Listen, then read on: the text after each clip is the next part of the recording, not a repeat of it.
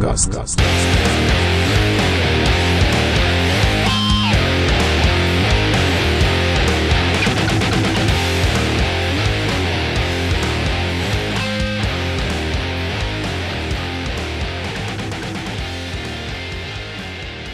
Przed nami 11 epizod podcastu. Z nami jest gość specjalny Adam Targowski, dziennikarz Viaplay, a prywatnie kibic Arsenalu Londyn. Dzisiaj porozmawiamy sobie o nadchodzącym meczu z Arsenalem. Dalej będziemy robić podsumowanie sparingów. Porozmawiamy też o transferach i lecimy z tematem. Adam, świetnie Cię mieć na pokładzie. Ze mną jest także stały współprowadzący, czyli Piotrek Świtalski. Cześć. No i Adam, jak witam widzisz to- serdecznie, witam serdecznie panowie. Cześć, cześć. Kłaniam się. Jak widzisz ten poniedziałkowy mecz z Arsenalem? Jak nastroje w obozie lidera Premier League? No rzeczywiście, biorąc pod uwagę to, że mm, jest okres niepewności, ponieważ kilku piłkarzy dopiero dojeżdża do zespołu Mikel Arteta, musi się wdrożyć w rytm treningowy. I biorąc pod uwagę niektóre opinie, które sugerują, że teraz jest dobry czas na granie z Arsenalem, no, można się z tym częściowo zgodzić, bo mm, ten dobry rytm, który prezentował Arsenal przed e, przerwą mundialową, no, to już jest przeszłość i oczywiście można sięgnąć pamięcią do tych spektakularnych wręcz występów. E, Pamiętamy bardzo równą formę Arsenalu, dyspozycję w meczu z Wolves. Wyglądało to naprawdę bardzo solidnie. Oczywiście mm, rywal też e, zrobił swoje w tamtym spotkaniu. Kilka mankamentów też w obronie Arsenalu się wówczas pojawiło, ale wcześniejsze spotkania, czy to z Chelsea, czy to z Nottingham Forest w lidze napawały naprawdę sporym entuzjazmem, więc gdyby West Ham grał wówczas z Arsenalem, no to miałby moim zdaniem zdecydowanie mniejsze szanse niż w tej chwili. Tym bardziej, że jest kilku piłkarzy, abstrahując już od mundialu, którzy też mają problemy zdrowotne w zespole Mikala Artety i, i to każe zadawać sobie naprawdę całkiem sporo pytań o to, jak będzie wyglądał zespół mm, Arsenalu w starciu z West Hamem, więc y, jeżeli zadałbyś mi takie pytanie, czy uważam, że to jest dobry moment na grę z Arsenalem, to jak najbardziej. Na pewno jest to lepszy moment niż y, przed przerwą mundialową. Niektórzy mogą powiedzieć, że to jest absolutny truizm, banał, no bo przecież Arsenal delegował na mundial ważnych piłkarzy. Wiadomo było, że y, ten okres przygotowawczy, czy to w Dubaju, czy to mm, już w London Colney, będzie zaburzony personalnie, no bo trzeba było sięgać po młodzież, e, no ale z jednej strony oczywiście trzeba pamiętać o tym, że ile to tam jest e, na minusie we wschodnim Londynie?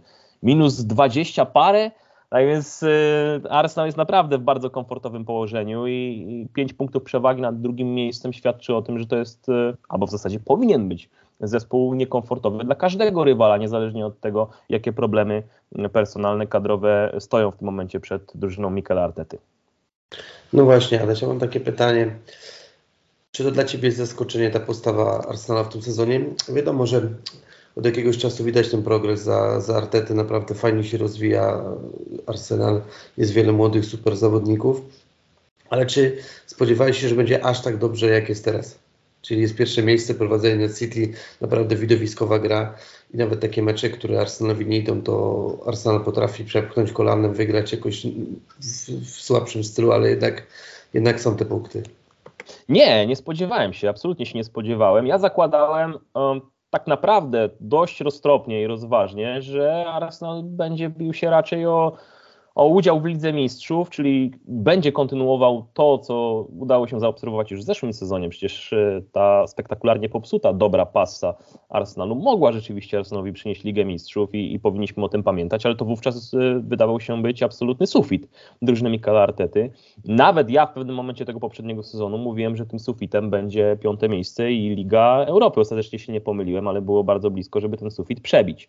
E, głową naprawdę całkiem sensownie układającego zespół Mikela Artety, który, który miał rzeczywiście to wszystko poukładane, no tylko się posypało to w pamiętnych e, meczach e, z Brighton, z Southampton e, i później jeszcze z Newcastle oczywiście, ale też Crystal Palace się po drodze przytrafiło. Tak więc biorąc pod uwagę końcówkę tego poprzedniego już sezonu i biorąc pod uwagę nastroje w letnim okresie przygotowawczym, które naprawdę były bardzo dobre, ale też spoglądając na resztę zespołów z angielskiej elity, zakładałem, że jednak tym sufitem będzie na przykład miejsce trzecie. Więc to, co się w tej chwili dzieje z Arsenalem, jest dla mnie może nie szokującą rzeczą, ale bardzo dużą, miłą niespodzianką. Adam, jak byś rozbił na czynniki pierwsze powody takiej dominacji, bo tak to trzeba nazwać, w lidze, gdzie jest City, jest Liverpool, Arsenal odstawia ich w tyle i to nie stykowo, tylko na dość bezpieczną. Oczywiście wszystko się jeszcze może zdarzyć, ale się, że ta przewaga jest dość komfortowa. Uuu, na to się składa naprawdę bardzo wiele czynników. Moglibyśmy nagrać w zasadzie osobny, godzinny podcast o tym, co zrobił, co zmienił Mikel Arteta, z kim mu przyszło współpracować, jakich piłkarzy pościągano do zespołu, jakim zaufaniem został e, obdarzony. To są wszystko oczywiście te czynniki, o których e, warto by było wspomnieć na wstępie. Myślę, że atmosfera wokół drużyny e, jest naprawdę fenomenalna. To jest być może rzecz błaha, dla niektórych, ale jak się okazuje niezwykle budująca, nie tylko relacje na linii piłkarze, czy też sztab szkoleniowy, kibice, ale przede wszystkim chyba między samymi piłkarzami widać tą dobrą, e, pozytywną energię, dobrą e, chemię, która wychodzi na co dzień w poszczególnych spotkaniach. I tak naprawdę w wielu e, pamiętanych przeze mnie sezonach były momenty albo toksyczne, albo jakieś zawieruchy w szatni, albo jakichś kłopotów na zapleczu, e, które cały czas szargały mm, środowiskiem kibiców Arsenalu, czy też ludzi związanych e, z tym klubem, więc atmosferę bym tutaj też w no tak naprawdę pierwszej kolejności wyszczególnił, wypuklił, bo to też podkreśla Mikel Arteta bardzo często, a wiadomo, że jest to człowiek zakochany w futbolu i rozkminiający na co dzień te detale, w iście mistrzowskim stylu. Zresztą od kogoś to zaczerpnął, miał słuszne wzorce. Nie mówię tylko i wyłącznie o Pepe, po Pepie Guardioli, z którym przyszło mu współpracować w jakiejś tam jeszcze ogarnialnej przez nas pamięcią perspektywie czasowej, ale wspominam też e, przez pryzmat tego, o czym teraz mówi Arsena Wengera, czy też innych wielkich szkoleniowców, z którymi Mikel Arteta współpracował, więc tak naprawdę miał e, na odpowiednim, na odpowiednio wczesnym etapie swojej kariery już i tak bardzo ciekawy insight trenerski od innych wielkich trenerskich głów. To był detalista już wtedy, a myślę, że przez ten okres, bo dzisiaj jest też e, jakby nie patrzeć trzecia rocznica objęcia Arsenalu przez Mikel Arteta, to w mediach społecznościowych pewnie wam gdzieś mignęło. Też ten okres trzyletni e, to jest okres pracy nad tym detalizmem, o którym ja teraz w tej chwili mówię. Więc to jest naprawdę człowiek chłonięty e, futbolem, bardzo analitycznie rozumujący, e, uwzględniający najmniejszy detal w analizie przeciwnika. Pomagają mu też naprawdę bardzo dobrze skrojeni pod ten szturm mm, mistrzowski mm, detaliści w sztabie szkoleniowym. Więc to naprawdę też jest jeden z tych głównych czynników, bo niektórzy w fanbazie szeroko pojętej Arsenalu mówią, że to jest taki trochę dyktator, Mikel. I pewnie wam też się gdzieś tam to biło o uszy, czy też o oczy, bo takie opinie krążą, że to jest człowiek lubiący stawiać na swoim, zresztą sposób, jaki w jaki uporządkował sagi z niektórymi wielkimi gwiazdami tego zespołu, które no, trochę tę atmosferę psuły, pokazują, że to jest no, chyba odpowiedni gość na odpowiednim miejscu. Plus oczywiście młody zespół, który też chce się chyba słuchać Mikela Artety. To wszystko zbierając do kupy. To są te główne powody tego, co się teraz dzieje z kanonierami. To może powoli przejdźmy do meczu z West Hamem. Pierwsze pytanie z grubej rury. Jak poważny problem Arsenal będzie miał przy kontuzji Gabriela Jezusa? Uuu, bardzo duży. Moim zdaniem bardzo duży, bo to było widać w ostatnich sparingach niestety. Ja jestem wielkim fanem Ediego, oczywiście Neketiaha i ja uważam, że warto cały czas mieć go w perspektywie rozwoju tej drużyny gdzieś tam z tyłu głowy, ale jednocześnie uważam, że no, obowiązkiem w tym momencie Arsenalu, y, zarządu jest wyłożenie grubej gotówki na wzmocnienie ofensywne. Gabriel e, Jesus ma wrócić w okolicach e, końcówki lutego najprawdopodobniej nawet, bo mówi się o trzymiesięcznym okresie. Te informacje cały czas e, jeszcze ulegają pewnym modyfikacjom. Być może będzie redukcja tego czasu e, wypadnięcia Gabriela Jezusa, być może to się troszeczkę przeciągnie. No wszystko zależy od tego, jak oczywiście będzie reagował sam organizm Brazylijczyka, ale jest to naprawdę bardzo duży problem. Więc styczniowe okienko transferowe priorytetowo powinno potraktować kwestię ściągnięcia mm, napastnika. Więc jeżeli ty Piotrek mnie pytasz, jak duży to jest problem, to uważam, że bardzo spory, bo oczywiście można ratować się innymi alternatywnymi opcjami mm, na pozycji napastnika, środkowego napastnika, no ale domyślną opcją na ten moment jest oczywiście Edin Ketiach, a biorąc pod uwagę jego dyspozycję, nie chcę powiedzieć, że wątłą, bo Edi też pokazał całkiem ciekawą, mm, znaną zresztą, waleczność. W jego przypadku to jest rzecz praktycznie przyklejona do jego pleców od początku jego kariery w tych trzech sparingach, które widzieliśmy teraz. No ale mimo wszystko tego wykończenia, tej takiej stuprocentowej jakości, której oczekujemy od napastnika zespołu rywalizującego Mistrzostwo Anglii, brakowało w tych występach, więc no, na pewno jest to spory problem. Powiedz, jakie nazwiska są wymieniane, jeśli chodzi o zastępstwo dla kontuzjowanego Brazylijczyka? No właśnie ciekawe jest to, że w tym mainstreamie dziennikarzy angielskich nie pojawia się żadne duże nazwisko napastnika o podobnym profilu do Gabriela Jezusa i to jest, e, no nie chcę powiedzieć, że niepokojąca rzecz, bo Arsenal ma inne priorytety. Jest też w stanie oczywiście poradzić sobie, mając zawodników chociażby grających regularnie na skrzydłach, E, z obsadą pozycji napastnika, przesuwając ich na, na środek ataku, chociaż wiadomo, że to jest e, raczej doraźne, tymczasowe rozwiązanie, aniżeli permanentne, tym bardziej, że e, ci piłkarze są skrojeni raczej, mówię chociażby o Gabrielu Martinellim, bo krążą takie pogłoski, że może można było Gabiego wysnuć na środek w obliczu osiągnięcia na przykład Mikajła Mudryka. To jest w ogóle bardzo ciekawy wątek, bo to jest jakby ta pierwsza planowa postać, o której się najwięcej mówi. David Ornstein też już aktualizował sprawę wielokrotnie. E, w kontekście sagi transferowej z Mudrykiem bardzo dużo się mówi już od dłuższego czasu. Zresztą sam zawodnik wydaje się być niezwykle zainteresowany perspektywą przenosin na Emirates Stadium. W rozmowie chociażby z żoną e, Aleksa Zinczenki dawał jednoznaczne moim zdaniem sygnały, że jest zainteresowany przenosinami do zespołu Mikel Artety, no tylko problemem oczywiście są pieniądze, prawda? To, jakie trzeba było zapłacić za niego gigantyczne wręcz e, środki. To jest rzecz zatrważająca, bo jeżeli Szachtar oczekuje okolicy 100 milionów euro od zespołu e, jakiegokolwiek w topowym szeregu klubów europejskich, no to się po prostu przelicza i nikt nie wyłoży na Mudryka takich pieniędzy, ale myślę, że to też chyba są rzeczy, które wynikają z tych sygnałów, które docierają gdzieś tam z zarządu. I Josh, Josh, Josh Kronki e, dawał takie sygnały, że, że będzie wsparcie finansowe Mikel Artety. Przecież Mikel pojechał do Stanów Zjednoczonych, siedział tam i ze Stanem, i z Joshem i rozmawiali bodajże jeszcze z Timem Lewisem, który również jest w zarządzie o, o potrzebie wzmocnień. Więc ja myślę, że oni już nie prześpią tego okienka. Nie, powi- nie, nie mogą tego zrobić. Tak jak przespali w zeszłym roku, kiedy zostawili sobie na drugą część sezonu e, La Gazeta, po odejściu Obameyanga oczywiście, La Gazeta i Nketiaha. Oni muszą coś konkretnego konkretnego zrobić i muszą się zainteresować nie tylko Mudrykiem, ale również opcją ofensywną.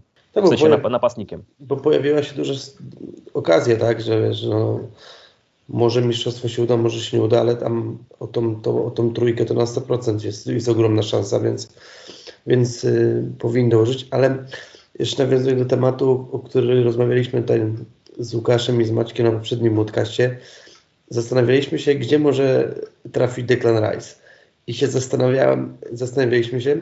Ja, ja rzuciłem takie hasło, że mi by bardzo pasował do tych młodych wilczków Artety Rice ze swoim mentalem ogólnie, ze swoją, ze swoją jakością. Powiedz mi, jak ty byś się zapatrywał na taki transfer? Oczywiście zimą, zimą się nie uda, ale na przykład latem.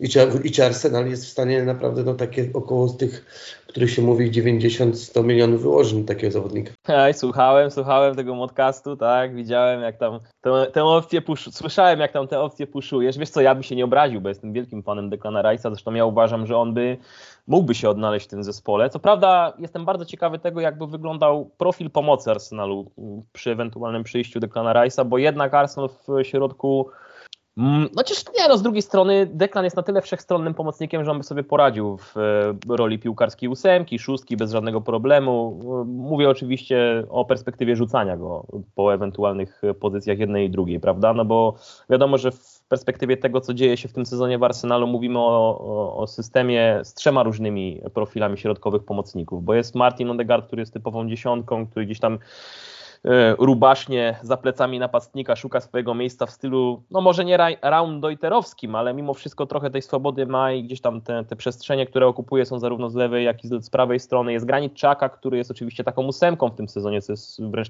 niespodziewane przez wielu. E, którzy obserwowali jego karierę od wielu, wielu lat, ale myślę, że w tej chwili już chyba wszyscy fani angielskiej piłki się przyzwyczaili do tego granita grającego dość wysoko i wchodzącego w tą finalną tercję boiska, gdzieś tam z perspektywą angażowania się w bezpośrednie liczby, czy te asysty, czy też te podania bezpośrednio przekładające się na SCA.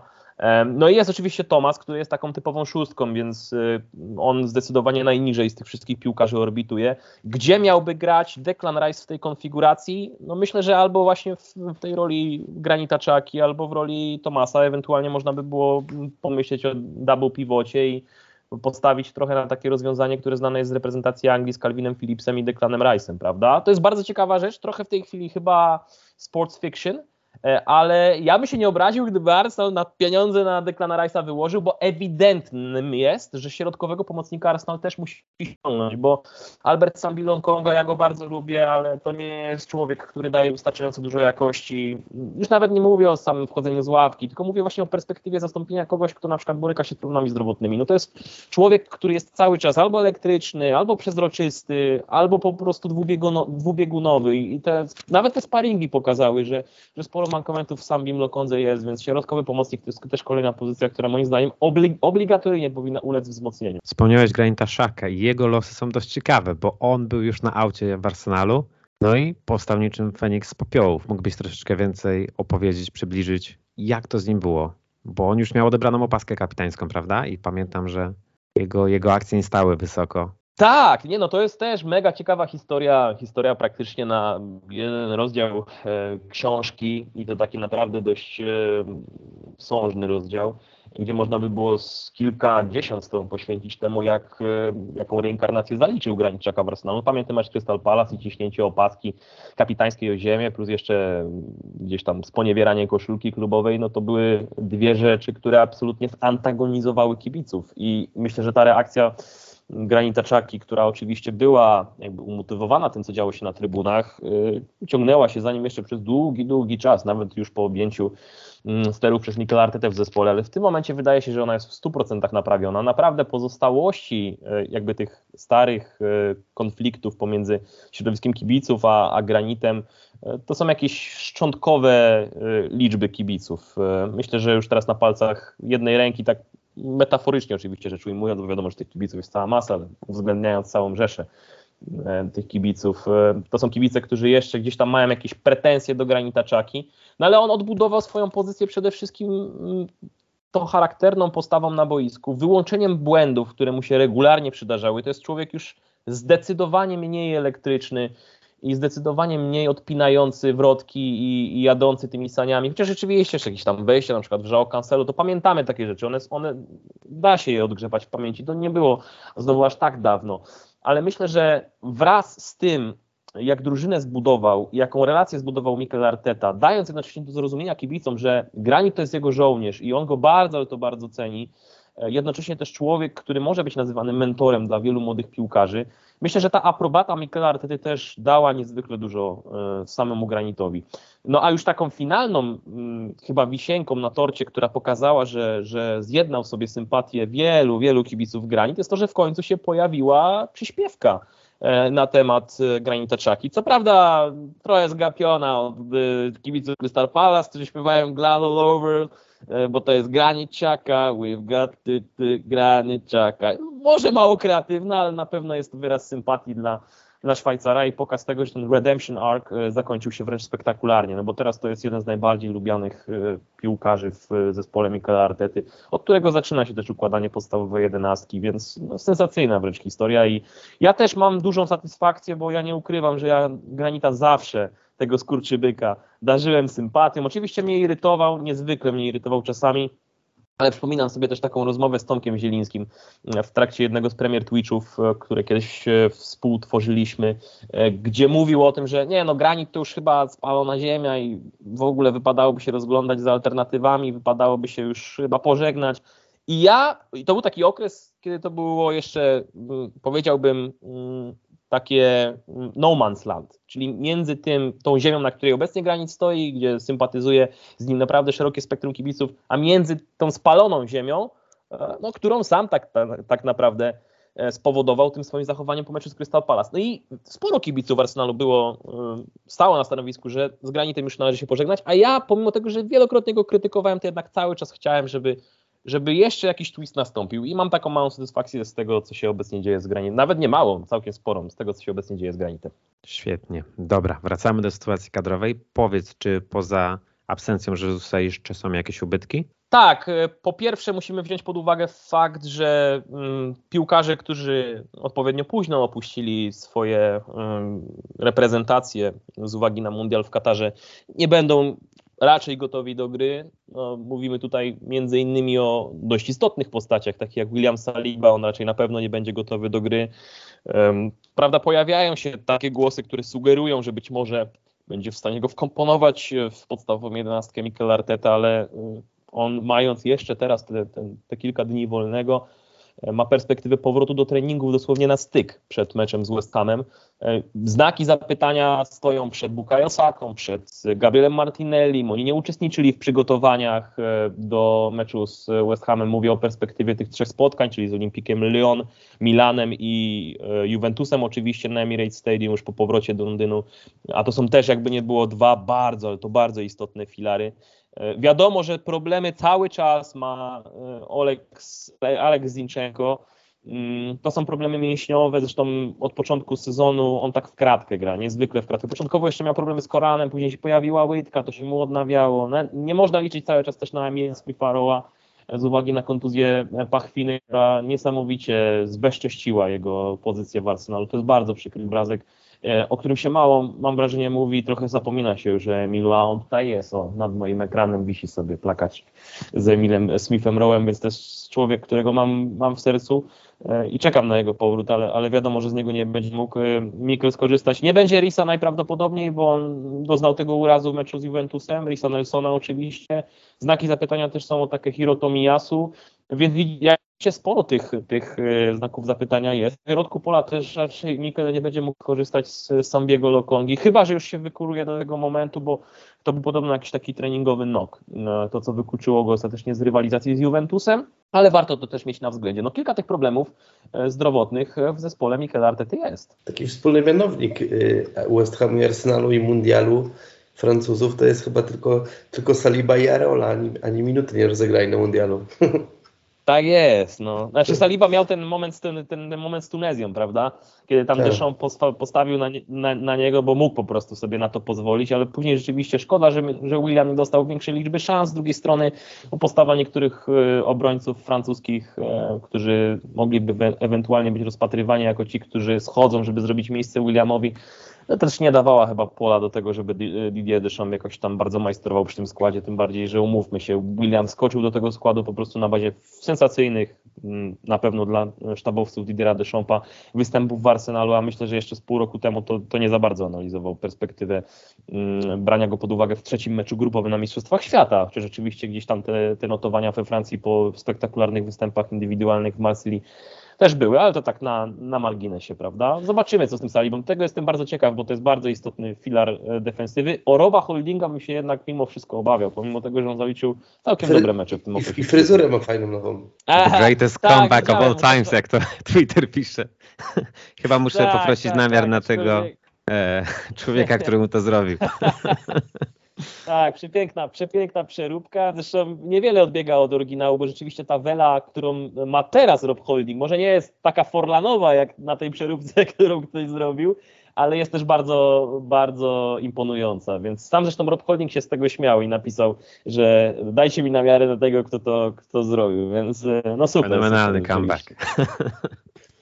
Dobra, a, Greatest a, a, comeback. A, a, a, już nawiązując do meczu, jest coś, czego się obawiasz yy, po stronie West Hamu przed meczem z Arsenalem? No, chciałem się Was zapytać o to, jak Skamakka i jego zdrowie po meczu, po kontakcie z Issą Diopem. Czy, czy, czy już jest w stanie się wykurować, jak tam u niego zdrowie wygląda? E, szczerze powiedziawszy, z perspektywy jakby samego West Hamu e, i oceniając e, to, jak wyglądał zespół Davida Moisa, mm, nie mam zbyt wielu jakby takich powodów, które mogłyby mnie mocno napawać się jakimś defetyzmem e, przed tym spotkaniem. Więc e, to jest raczej dla Was zły znak, bo to oznacza, że, że nie ma się e, niczego spektakularnego się nie spodziewam po West Hamie, ale z drugiej strony jest to zespół, który oczywiście może bardzo dużo krwi napsuć. Jestem ciekawy też na jakie personalia postawi David Moyes, kogo ostatecznie będzie mógł skorzystać. To wy mi możecie na, na pewno najlepiej powiedzieć, jak, jak to waszym zdaniem będzie wyglądać, jeżeli chodzi o podstawową jedenastkę na mecz z Arsenalem. U nas jest też sporo znaków, znaków zapytania, tak jak Ty mówiłeś u swoich zawodników z Arsenalu po mundialu. Najew Ager dopiero w piątek wraca do Londynu na trening, więc tak naprawdę to też on tam ostatnio nie grał w Maroku, był i chory, i kontuzjowany, więc też nie wiadomo, czy będzie mógł grać. Więc wychodzi na to, że na stoperze zagra Dawson z Kererem, co, co, co może być troszkę ułatwieniem dla Arsenalu, bo, bo Kerrer nie wygląda dobrze ostatnio na stoperze. Ostatnio, no, ciężko też się teraz odnieść, tak, bo nie wiemy w jakiej ani piłkarze Arsenalu, ani piłkarze West Hamu w jakiej są formie, tak, bo to jest wielka niewiadoma. To jest dla mnie trochę takie podobieństwo, jak wracali piłkarze po restarcie, po covid tak, po tej pandemii, po tym pierwszym lockdownie, jak wracali, bo bardzo, bardzo porównywalna sytuacja. Ale co do, co do kadry West Hamu, no to to, co pytałeś, Skamaka ma problemy z tą kostką, jest naprawdę, na ten moment jest bardzo pod znakiem zapytania jego występ, więc tak naprawdę dopiero na konferencji prasowej, my gramy w poniedziałek, no to pewnie przed świętami dziś będzie konferencja, więc pewnie wtedy coś będzie wiadomo. Na razie po sparingu teraz Fulham asystent y, Moisa Billy McKinley powiedział, że, że no, troszkę, troszkę to było jakby zapobiegawcze, żeby tam nic, nic, nic poważnie mu się nie stało, ale jednak coś tam mu doskwiera. I w poniedziałek dopiero reszta kadrowiczów wróciła, czyli, yy, czyli Rice, czyli Paketa i, i Kerr, więc to też wszystko zależy od tego, w jakiej formie fizycznej będą po tym mundialu. To jak zawsze przed meczami udaje mi się jakoś, nie wiem, 9-10 yy, personaliów trafić w składzie, to teraz po prostu mam kompletną pustkę w głowie, jeśli miałem wystawić wyjściowy skład, jakim zagram, tak? No bo no to wszystko jest nie wiadomo, kto, kto będzie zdrowy, czy kto będzie w jakiej formie. No i problemem u nas jest ten Max Cornet niestety. No. Liczyliśmy, że ta przerwa, przerwa między właśnie yy, przerwa na mundial pomoże mu w szybkim powrocie do zdrowia, że już miał, miał tak naprawdę było zapowiadane, że Arsenal będzie gotowy do treningu, będzie chwilę po rozpoczęciu mundialu. A ten sam właśnie Billy McKinley powiedział po meczu, że nie spodziewają się, że w najbliższych meczach będzie do dyspozycji, że z tą łydką tam jednak, jednak są jakieś, jakieś większe problemy, więc no bardzo, bardzo dużo, dużo, dużo takich problemów i to, i to z kontuzjami, i to, i to właśnie po tym mundialu. To samo Antonio nie grał ostatnio w sparingach, więc w ataku w ogóle może być dramat, tak? Kurzuma ma, też jest po operacji, więc mamy, mamy porównywalnie dużo problemów jak, jak Arsenal, o tym co wspomniałeś wcześniej, więc na pewno na pewno nie będzie to jedenastka, jaką, jaką by sobie pewnie David Moy wymarzył. Na padzie to chyba wystawimy Carltona Cola, który teraz jest e, w sztabie szkoleniowym. Ale tak, generalnie, tak jak Piotr powiedział, jeszcze co do, Piotr powiedział, że na środku obrony może zagrać duet Dawson z Kererem i to jest możliwe ale być może zobaczymy też Ogbonny, który zagrał wszystkie trzy mecze sparingowe. Niestety Włoch po dość poważnej kontuzji nie może wrócić na, na swój solidny poziom. Ma już 35 lat i kibice West Hamu powoli liczą się z tym, że to niestety nie będzie tak solidna e, jednostka w defensywie, jak była przed.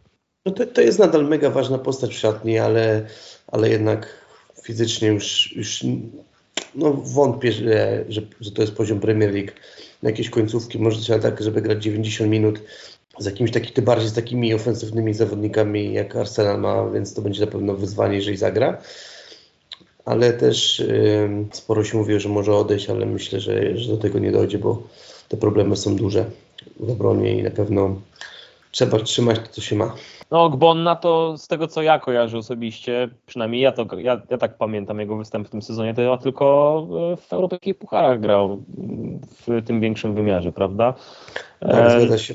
Do tego, do tego to jest chyba raczej na wykończeniu, więc y, trudno oczekiwać, że to jest wasz zbawca w defensywie, no bo do kiedy ma? Chyba do 2020 mu się teraz kontrakt kończy. Do czerwca. Nie? Tak, tak u, u, nas, u nas jest taka filozofia klubu, że tych starszych zawodników jak Fabiański, Crespo, bo oni zawsze dostają kontrakt na rok i z, z plus dodatkowym rokiem i wtedy klub podejmuje decyzję, czy oni jeszcze się nadają, czy nie nadają, tak powiedzmy, no, po naszemu.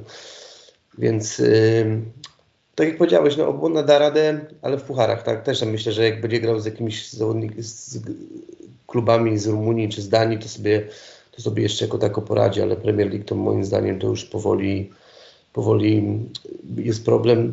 Ciężko jest zawodnikowi w takim wieku, po takiej poważnej kontuzji, tym bardziej, że on, on nigdy jakimś nie był jakimś szybkim stoperem, był, był dobrze się ustawiał, miał fajne wyprowadzenie piłki, dobry był w powietrzu, ale jednak, jednak tej szybkości nie miał, a po tej kontuzji to jeszcze, jeszcze bardziej jest to widoczne.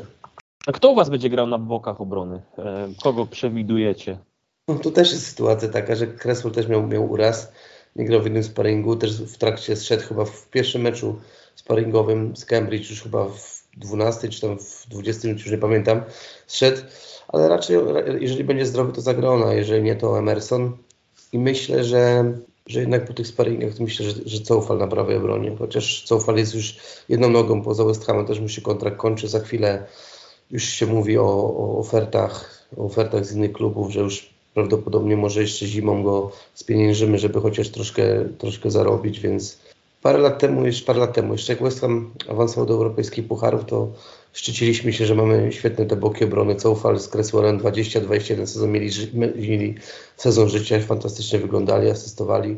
Niestety ten sezon to jest, jest, jest problem na tej pozycji, bo Ben Johnson jest podatny na urazy, nie może ustabilizować tej formy. Fajnie się rozwija, ale jednak też, też jest problem poza, poza boiskiem, bo jego agenci w ogóle zerwali rozmowy z West Hamem odnośnie nowego kontraktu, bo prawdopodobnie West Ham nie gwarantuje takich pieniędzy, jakiego oni uważają, że Ben zasłużył. No i ten Kerer, który no, nie wiem, który to młotka, z siódmy, ósmy, rozmawialiśmy z chłopakami, że ciężko chłopa na, naprawdę ocenić, bo naprawdę miał świetne te mecze, niektóre miał ten karny sprokurowany, ale ten początek sezonu miał naprawdę niezły, ale jednak, jednak, jednak tego jego jakby braki, czy, czy po prostu takie no elektryczny jest, no tak sobie powiedzmy, no po prostu szczerze i to wychodzi coraz bardziej i naprawdę ciężko cokolwiek tutaj, tutaj powiedzieć na tych buchach obrony, ale jeśli mam wskazać, to myślę, że Coufal Cresswell zagra. Tak jak Piotr no, powiedział, Kerara szalenie, będzie. Szalenie trudno ocenić, bo on często e, ma to, czego inni nasi obrońcy nie mają. Ma dobrego pasa, jak się podłączy do przodu na prawej obronie, daje coś ekstra z przodu, natomiast jak tracimy gola, to 99% szans jest to, że Kerrer jest zamieszany, albo ktoś go przy główce wszystko. To jest niesamowite, bo naprawdę sporo błędów indywidualnych notuje. Jednocześnie były takie momenty, że niektórzy uważali, bodaj po jego chyba po pięciu czy sześciu kolejkach, że to jest kandydat na młota sezonu. Bo na boisku wydawał się dość pewny przy piłce e, i, i kurczę rokował. I widzieliśmy, był taki moment, że z każdym spotkaniem wydawało się, że coraz lepiej się odnajduje. Nawet jak wyniki jeszcze nie wyglądały dobrze, to akurat on raz, że rozgrywa sporo minut z tych transferowych nabytków i właśnie, właśnie ta jakość, że potrafi się podłączyć, potrafi wyprowadzić piłkę, czego raczej nie mają inni nasi obrońcy. Na tym trochę budowaliśmy tę nadzieję, że ok, on tutaj chwilę posiedzi, on zrozumie bardziej, czy nauczy się ligi i będzie z niego pożytek. A ostatnio mam wrażenie, że znowu te błędy indywidualne, też tak naprawdę nie wiemy, jaka jest jego nominalna pozycja i mam wrażenie, że jest ofiarą swojej uniwersalności, bo na środek obrony jest dla mnie zbyt Mm, słaby w powietrzu, zbyt wątły fizycznie, brakuje mu trochę takiej agresji. Przy czym ja jestem wielkim fanem środkowych obrońców w stylu Craiga Dawsona czy kiedyś Jamesa Collinsa, czyli właśnie taki facet, który wiesz, wszystko wyczyści, archetyp. Archetyp James Collins to jest mój, mój typ obrońcy środkowego i właśnie Dawson taki jest. Czasem się go nawinien raz i aż boli jak się patrzy, ale wiesz, że on da się pokroić za ten West Ham i, i tam, gdzie inni boją się wsadzić głowy, to on pakuje, znaczy wróć, tam, gdzie inni boją się wsadzić nogi, to on pakuje głowę. Dawson niestety z przyczyn prywatnych prawdopodobnie odejdzie już podczas styczniowego okienka i będziemy szukali środkowego obrońcy. Ale jeśli chodzi o zestawienie obrony na Arsenal, to ja czuję, że będzie troszkę inny niż, niż Piotr. Myślę, że na lewej zagra Cresswell, na środku ten nieszczęsny Ogbona, to znaczy nieszczęsny, ten, który szuka tej formy Ogbona z Dawsonem, a na prawej myślę, że obejrzymy Kerrera. Wydaje mi się, że Czofal nie zagra, Johna też myślę, że nie zagra. Tak to, tak to widzę i jeszcze wcześniej cię spytaliśmy, czego się obawiasz i dyplomatycznie powiedziałeś, niczego, to mniej więcej tak jak my. My też niczego chyba ze strony West Hamu się nie obawiamy i patrząc na naszą formę zarówno ligową, jak i mecze sparingowe, choć wyniki w sparingach nie były złe, bo wygraliśmy 4-2 z e, Cambridge, tak? Żeby mnie nie pokręcił. Dalej wygraliśmy 3-1 z Udine i tam były naprawdę niezłe przebłyski, ale mecz 1-1 z Fulham, szczególnie pierwsza połowa, to była masa błędów, które nas irytowały w lidze i no i tam nie było wielu pozytywów, na którym możemy jakieś wielkie nadzieje budować. A bramkę zdobyliśmy po tym, jak Issa Diop nam ją sprezentował, czyli obrazek, który bardzo często... Issa Diop prokurujący gola to jest obrazek, który na tym stadionie oglądaliśmy bardzo często przez ostatnie lata. Paradoksalnie, na czym ja buduję nadzieję, mam trzy takie punkty zaczepienia. Jeden to jest właśnie to, że po mistrzostwach nie wiadomo, kto w jakiej będzie formie, nie wiadomo, jak te zespoły będą wyglądać i czuję, że to jest lepszy moment, niż gdybyśmy mieli grać przed mistrzostwami z Arsenalem. Drugi punkt, to my się dużo lepiej czujemy z kontry. West Ham jest teraz w trakcie transformacji, kupiliśmy naprawdę dobrych piłkarzy z piłką, jest ta presja, że mamy za sobą dwa świetne sezony, musimy zmienić swój styl gry. Nie możemy już bazować na kontrze, na zaskakiwaniu przeciwnika, tylko musimy częściej przejmować inicjatywę i nam to nie wychodzi. I widać, że jako zespół my się tego uczymy, właśnie piłkarze jak Skamaka czy, czy Paketa zostali kupieni, żeby ta transformacja nastąpiła szybciej, zgrabniej, płynniej. I to jeszcze nie gra. I nam dużo lepiej grało się z kontry, trochę system laga na Antonio, Antonio przytrzymywał piłkę, podłączał się Bowen, to lepiej u nas wyglądało. Nawet jeśli chodzi o Bowena, ja tak ostatnio sobie myślę, on miał bardzo dobrą końcówkę poprzedniego sezonu i to zaprocentowało powołanie do kadry, ale ja myślę, że on przy naszym stylu gry, który teraz chcemy wdrożyć, troszkę traci. On lepiej grał na kontrze i jak spojrzycie na mecz City ostatni, ostatni był poprzedniego sezonu czy przedostatni? Ostatni chyba, gdzie dwie bramki zdobył. Przedostatni byłem Przedostatni. A, no to przepraszam. Przedostatni. To te bramki to była dla mnie kwintesencja West Hamu z ostatnich dwóch lat, czyli konterka, szybka piła i właśnie Bowen, Antonio wykorzystywali te swoje te zrywy, szybkość i nam to dobrze wychodziło. Teraz mm, duże transfery, to okienko, wydaliśmy najwięcej w swojej historii, jeśli chodzi o pojedyncze okienko. Naprawdę i to transfery, kurczę, dla mnie transfery z Kamaki czy Pakety to jest majstersztyk w wykonaniu naszego sztabu. To są takie transfery piłkarzy, którzy wyróżniali się w swoich klubach i bili się o nich czołowe, wiesz, czołowe drużyny w Europie. Jeśli chodzi o Skamakę, to PSG o niego zabiegało. W sytuacji Pakety też się mówi o naprawdę dużych firmach i ja uważam, że to były fantastyczne posunięcia. To, że udało nam się przekonać do wizji, do planu, bo, bo 3-4 lata temu nie byłoby szans, żeby West Ham walczył o takie piłkarzy poziomem, bo my też kiedyś próbowaliśmy przepłacać szalenie piłkarzy, żeby do nas przyszli, tak jak to było czy to z Hallerem, czy, czy z Felipe Andersonem, gdzieś czuliśmy, że jak zapłacimy dużo więcej niż inni, to tym skusimy piłkarzy, ale chyba wtedy za mało było pomyślunku, czy oni do nas pasują, do naszego systemu gry, czy ich motywacją faktycznie jest E, to, że chcą osiągać sukcesy z Hamem, czy, czy może tą motywacją są finanse. A teraz czuliśmy, że ok, że to idzie w dobrym kierunku. Zespół wygląda coraz lepiej, jesteśmy coraz ambitniejsi. Jako klub, jako sztab idziemy w lepszym kierunku, bo też nasze grupy młodzieżowe dużo lepiej gra, zaczęły grać. I czuliśmy, że właśnie na każdym froncie ta ręka Moisa, wiesz, odcisnęła na swoje piętno i że to idzie w dobrym, dobrym kierunku. No i paradoksalnie, jak oczekiwania były tak duże, to wyniki zupełnie nie idą po naszej myśli. A trzeci filar, na którym buduję to, czyli powiedziałem, że kontry, powiedziałem, że właśnie to, że gram po przerwie i to, że West Ham czasem w takich momentach potrafi zaskoczyć, kiedy nikt nie oczekuje dobrego meczu, tak jak w tym sezonie zaliczyliśmy niezłe mecze z Tottenhamem czy z Chelsea, właśnie w momentach, kiedy mało kto tego oczekiwał. Akurat Chelsea zakończyło się bez punktów, ale tam też były kontrowersje, czy z nieuznaną bramką, czy, nie, czy z karnym, jeśli dobrze pamiętam, nie? Tam chyba karnego nie uzyskaliśmy. Nie, nie, nie tam nie, było nieuznana bramka głównie, nie? 2-2, no i tam się War trochę uśmieszył. I, Co Mendy i Mendy tam przy tak, aktorze. Tak, tak, tak, tak, No ale tam naprawdę dobrze wyglądaliśmy, tego brakuje. Więc no, te, te moje fundamenty, bardzo... na których bazuję w meczu z Arsenalem nie są jakieś silne, ale, ale to jest piłka więc zobaczymy. Mieliście też bardzo dobre mecze przecież z Liverpoolem i z United, gdzie też powinniście punkty mieć, nie zdobyliście tych punktów, a pokazaliście naprawdę kawał dobrej piłki.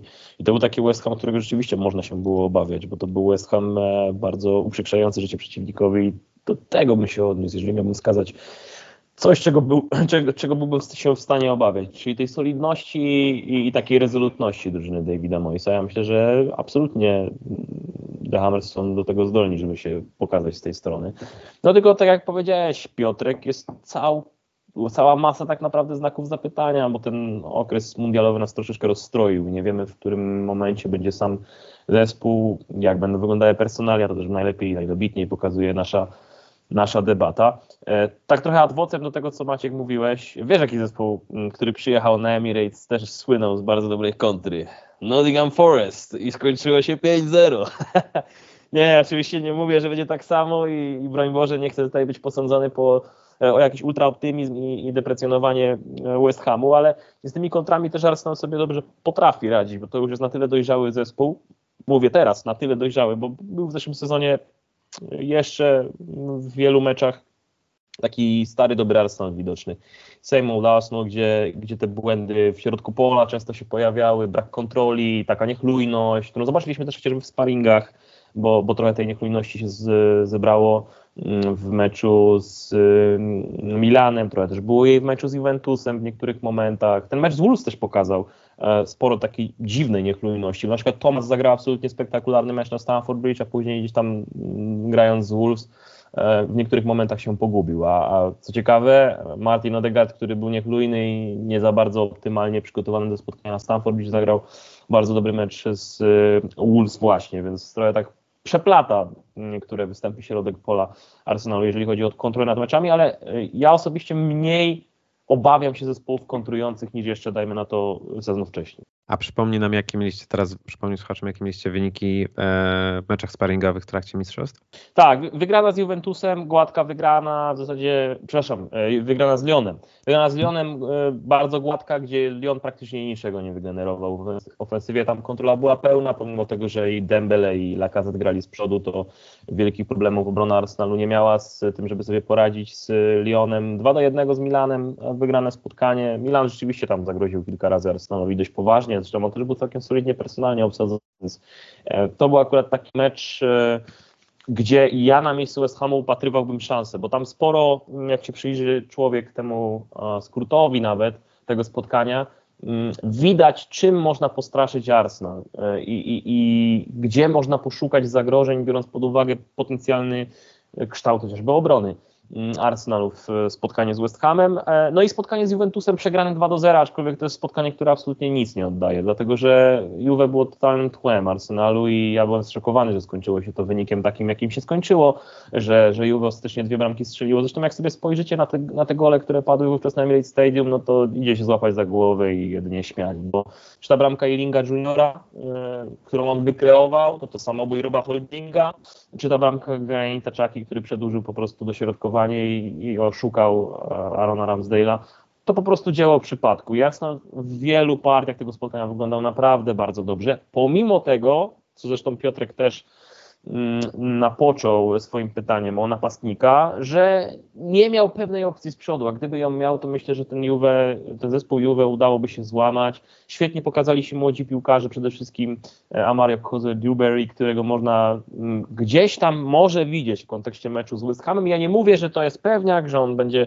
w tym meczu grał, że dostanie minuty od Nikola Arteta, ale jeżeli jest jakiś młody piłkarz z pola, który zasłużył na jakiś angaż minutowy w końcówce meczu z West Hamem, to właśnie Mario Cozier-Dewberry. E, I to jest taki ktoś, kto przypomina Bukayo Saka z wczesnego okresu gry pod Unajem Emerim, czyli jeszcze nie do końca fizycznie zbudowany, ale bardzo gibki, bardzo rzutki, e, trzymający piłkę przy nodze, jednocześnie wdający się w pojedynki z przeciwnikiem z dużą swobodą, a to nie jest rzecz oczywista przy okazji młodych piłkarzy. No jest też Itan Waneri, którego akurat angażu się nie spodziewam jakoś bardzo w meczu z West Hamem, ale biorąc pod uwagę znaki zapytania na skrzydłach, to być może właśnie ten Cozier Dewberry będzie dla Was taką niespodzianką, bo być może akurat e, zobaczymy go na boisku, a, a to była taka postać bardzo wyróżniająca się w meczu z Juventusem. Więc tak mhm. wyglądały sparingi, 2 na 3 wygrane, z czego po, powinno być moim zdaniem 3 na 3, bo ten mecz z Juventusem też powinien być wygrany. Tak wyglądała forma Arsenalu w okresie przygotowawczym. Nie wiem, czy widzieliście wypowiedź Davida Moysa w Radiu Talk Sport dzisiejszym. David Moyes powiedział, że West Ham nie walczy o utrzymanie, tylko West Ham nadal walczy o puchary. Jakbyś się do tego odnieśli? Hmm. Bo ja na przykład uważam, że no trochę za duży pozytyw bije od, od, od Ja myślę, że stary oszalał. Z grubej rury. Nie no, szczerze powiedziawszy, ja pamiętam doskonale te mecze West Hamu z Liverpoolem i United, bo przy obu pracowałem w Viaplay i, i ja byłem wręcz zszokowany, że West Ham nie wywalczył punktów w tych meczach. No to nie było jakoś tak bardzo dawno temu przecież. Jeżeli West Ham pokaże taką naturę i taką E, formę w pozostałych meczach, to być może w tym, co stary mówi, jest trochę racji, więc oczywiście trochę to wygląda jak takie porywanie się z motyką na słońce w kontekście tego, gdzie w tej chwili w tabeli jest West Ham. Przypomnijcie mi, ile punktów? 14 macie? Tak, punktów? Czy nie? Tak, nie, więcej macie. 14 już nie do końca pamiętam, musiałbym sprawdzić, ile tam ostatecznie w, w ligowych rozgrywkach żeście tych punktów uciłali, no, ale faktycznie wynik poniżej oczekiwań, zdecydowanie, więc czyżby biorąc to pod uwagę, no to można się chwycić za głowę, e, patrząc na wypowiedź e, Davida Moisa. 14. Z drugiej strony ja dostrzegałem, 14, tak? Okej. Okay. Ja dostrzegałem naprawdę kilka pozytywów w tych meczach z naprawdę dużymi, topowymi zespołami, mający, mającymi swoje problemy, bo czy to ten Liverpool, czy to United miały problemy, ale już sam fakt tego, że naprawdę moim zdaniem zasłużył West Ham na przynajmniej po jednym punkcie i w jednym i drugim spotkaniu, świadczy o tym, że może jeszcze jakaś szansa zakręcenia się wyżej jest. Aczkolwiek gdybyśmy wypośrodkowali stanowiska te racjonalne i te hura optymistyczne i te defetystyczne, to myślę, że gdzieś tak chyba West Ham wypadałoby widzieć w okolicach tego dziesiątego miejsca, jeżeli mówimy o tym potencjale drużyny. Na tak, nawet przed mistrzostwami mi mignęła taka ta grafika e, ilość punktów zespołów i expect points, tak? Znaczy West Ham tak naprawdę z tych spodziewanych punktów z przebiegu meczu powinien być gdzieś około siódmego miejsca, tak? że tra tracił punkty w takich meczach, gdzie tak naprawdę miał te sytuacje, czy, czy coś innego tam się zadziało. Ale co do, co do starego jeszcze, to wiecie, no, są trzy, mecze, trzy mecze kluczowe. Teraz się okaże, jeszcze się okaże, że w połowie stycznia starego nie będzie. No. Różnie może być. Ja, ja nadal jestem jednak Team Ois i wierzę, że, że po, tym, po tym mundialu ta drużyna ruszy, bo naprawdę uważam, że jest dobrym kandydatem do bycia, cały czas do bycia menedżerem, ale, ale daję mu te trzy mecze. Jeżeli w tych trzech meczach będzie za przeproszeniem taka sama kapucha jak, jak w końcówce przed mundialem, to, to chyba naprawdę potrzebowałby zmian, bo problem może być to, że też co, co podcast o tym rozmawiamy, że boimy się, że David Moyes no ma ten trochę archaiczny styl swój futbolu i boimy się, że po prostu z takich zawodników jak on wyciśnie coś więcej z takiego Dawsona, z takiego Bowena, Antonio, a z takich zawodników jak Paketa, Skamaka może po prostu wycisnąć i ktoś po prostu by się przydał jakiś menedżer taki, no powiedzmy nowoczesny, tak? Jakiś, jakiś, jakiś menedżer, który po prostu ma inny, inny, inny sposób, na, inny pomysł na piłkę, który bardziej chciałby operować podaniami niż jakimiś wrzutkami, czy, czy po prostu szybkimi kontrami. Dla mnie to jest definicja jego sukcesu w Evertonie. To, że wciskał Maxa ze średniaków właśnie. I poprzednie dwa lata to samo robił w West Hamie. Mieliśmy zespół na, dla mnie na drugą połowę tabeli personalnie. Robiliśmy fantastyczny wynik. Okej, okay, była świetna atmosfera, ale właśnie dla mnie Mois jest menadżerem, który wyciąga Maxa z Dawsonów i z piłkarzy tego pokroju, ale jak dostaje grajków typu Skamaka czy Paketa, czuję, że on nie na, na Benramę nawet, tak? Na Benramę tak, tak, tak, tak. On inny typ graczy preferuje i no jego, tak jak powiedziałem, jego kariera, kariera w Evertonie to jest taki stempel, to jest definicja tego menadżera. E, I ja uważam, że to jest nasz najlepszy trener w historii Premier League, ale wydaje mi się, że on więcej nie wyciśnie z tego zespołu. Więcej w znaczeniu to, czego oczekujemy. Czyli sprowadzamy teraz drogich piłkarzy, trzeba zmienić system gry i myślę, że on nie jest najlepszym menadżerem i nadal trochę przez lojalność dam, dam mu ten czas powiedzmy do końca sezonu, chociaż też tak jak Piotr myślę, jak będzie kolejne trzy mecze w torbę, no to trzeba się poważnie zastanowić, choć uważam, że zarząd ma do niego bardzo dużo cierpliwości i nie zwolnią go.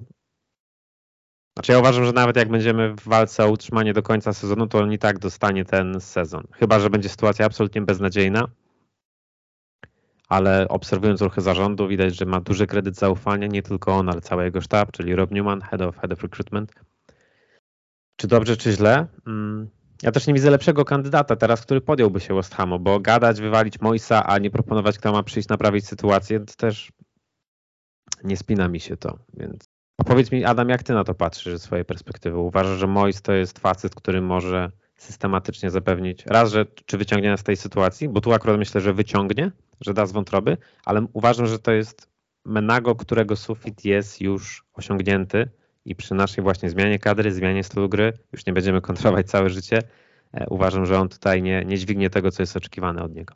To jeszcze dopowiem hmm. pytanie, jest w stanie po prostu wycisnąć coś, coś więcej jeszcze z tego West Hamu, czy to jest taki trener, który, który po prostu wiemy, że wiemy jakie on miał problemy, tak, że po tym odejściu z Evertonu wrócił, że tak powiem, na karuzelę czy to nie był jego maks? Jak Adam sądzisz? Czy to po prostu Wiesz, ten... też jeszcze uzupełnimy, zobaczcie, co się w United działo. Ja wiem, że United to jest takie miejsce, gdzie po Sir Alexie nikt nie dźwignął i, i to jest mega trudne zadanie, ale on też, on chciał United tam w Fellaini ratować. E, I dla mnie to pokazuje, że to jest kurczę facet, który gdzieś jak dostaje budżet, jak dostaje naprawdę pełnię możliwości i ma grać ofensywny futbol, bazujący na miażdżeniu przeciwnika, czy na kontrolowaniu gry nawet, to on nie daje rady z tym. On zbyt zachowawczo ustawia piłkarzy, my zawsze się nisko bronimy, nie pozwala. Uważam, że on, że po części zgadzam się, że tam expected points mamy wyższe, z tym nie ma co dyskutować, tak to wygląda. Jest sporo meczów, gdzie mieliśmy pecha i ten pech w tym sezonie z nami jest, tak jak w poprzednich dwóch sezonach mieliśmy sporo szczęścia, ale i tak mając na względzie, uważam, że i to jak on nastawia zespół jest też częściowo powodem, czemu my nie punktujemy. To, że jesteśmy tak cholernie zachowawczy, a ci piłkarze mają skilla, żeby grać odważniej. I w meczach, gdzie czasem zabrakło tego, właśnie gdzie byliśmy, szliśmy na noże i nie, nie zdobyliśmy punktów, uważam, że po części winny jest on, bo za długo czekał ze zmianami, za długo czekał z, odważniej, z wprowadzeniem odważniejszym jakichś tam właśnie zmian, nawet jak nie zmian personalnych, to taktycznych i sam niestety nakręcił bat na własny tyłek, bo czekanie, nie wiem, dostajemy w torbę i czekanie do 70 którejś minuty, żeby zrobić jakąkolwiek pierwszą zmianę, no uważam, że sam sobie generalnie nie pomaga tego typu decyzjami. To, że też ma ulubieńców, to, że Bowen jest kompletnie bez formy, to nigdy nie jest do zdjęcia, a Ben Rama, który jest w tym sezonie naszym najlepszym piłkarzem i jak coś dobrego się dzieje, to głównie za jego sprawą, często jest pierwszy zdejmowany. Widać, że on ewidentnie nie jest faworytem trenera, więc no tak surrealistyczne decyzje też w dużej mierze wpływają, że Moi straci e, poparcie kibiców.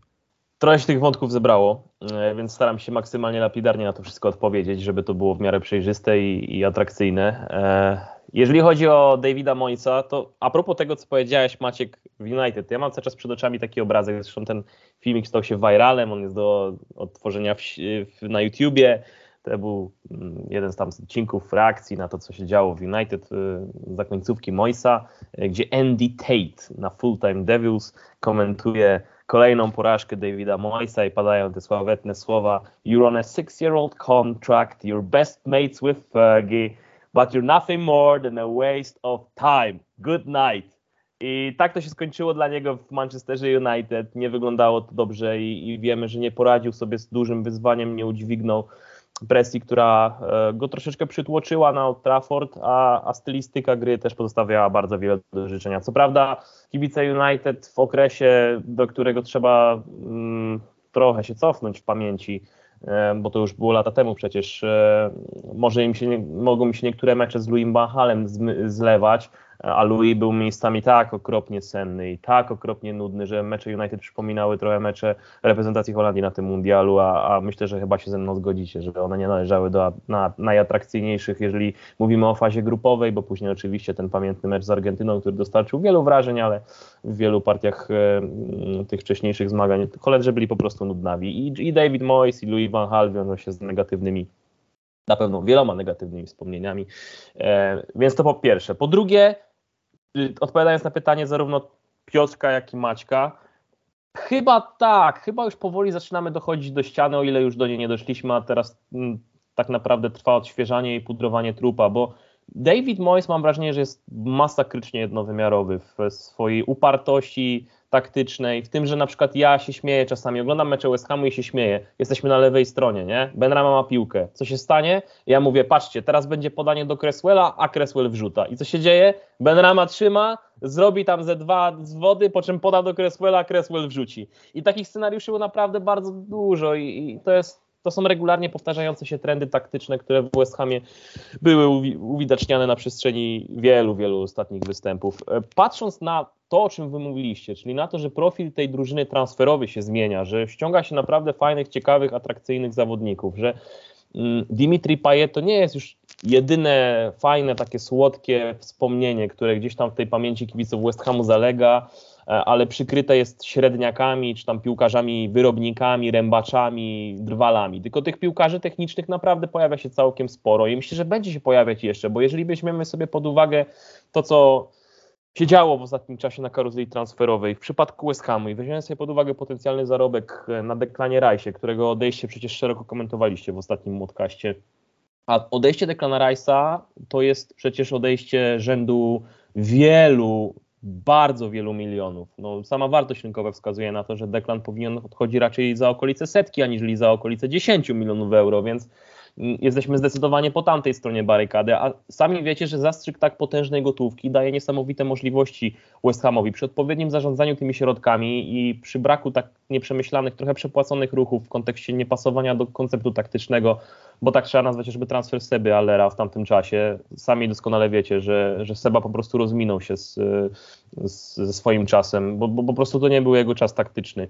E, kiedy grał w West Hamie, był trochę takim obcym podmiotem, obcym ciałem w drużynie e, West Hamu, no to przy odpowiednim zarządzaniu tymi transferami można zbudować bardzo ciekawą, ofensywnie, fajnie grającą ekipę, albo nowocześnie grającą ekipę. To co ty Piotrek powiedziałeś, przecież wystarczy spojrzeć na północ Anglii i zobaczyć na profil klubu, jakim jest Newcastle. Ja nie chcę mówić, że wy musicie podążać jeden do jednego tą samą drogą, bo nawet nie ma za bardzo ku temu sposobności i szans, ale jakby profil West Hamu pod kątem bazy kibicowskiej, pod kątem, no jakby nie było, zasłużonej pozycji na scenie angielskiej. To jest bardzo historycznie, bardzo utytułowany zespół, mający dużą, mm, zbudowaną pozycję w oczach wielu kibiców mm, obserwujących y, angielską piłkę.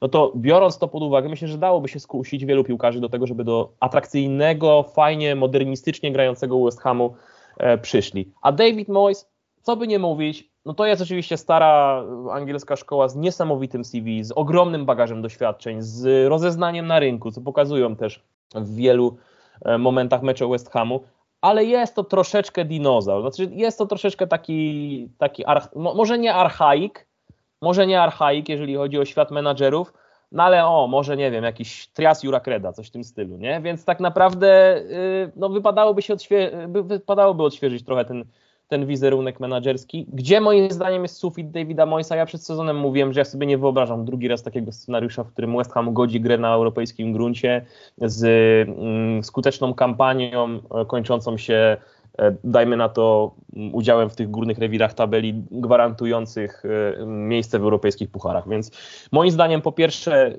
przewidywalność taktyczna Davida Moisa za to odpowiada, po drugie niewystarczająco silna ławka i, i, i ten rezerwuar, rezerwuar umiejętności, który powinien mieć każdy zespół w tym momencie bijący się udział w europejskich pucharach, bo jak wiecie konkurencja nie śpi, tylko wzmacnia się każdego dnia, co pokazuje przykład Newcastle, więc ja uważam, że West Ham stać na to, żeby iść w stronę modernistycznego menedżera, a wiadomo, że trzeba by było w tym momencie rozstać z Davidem Moisem.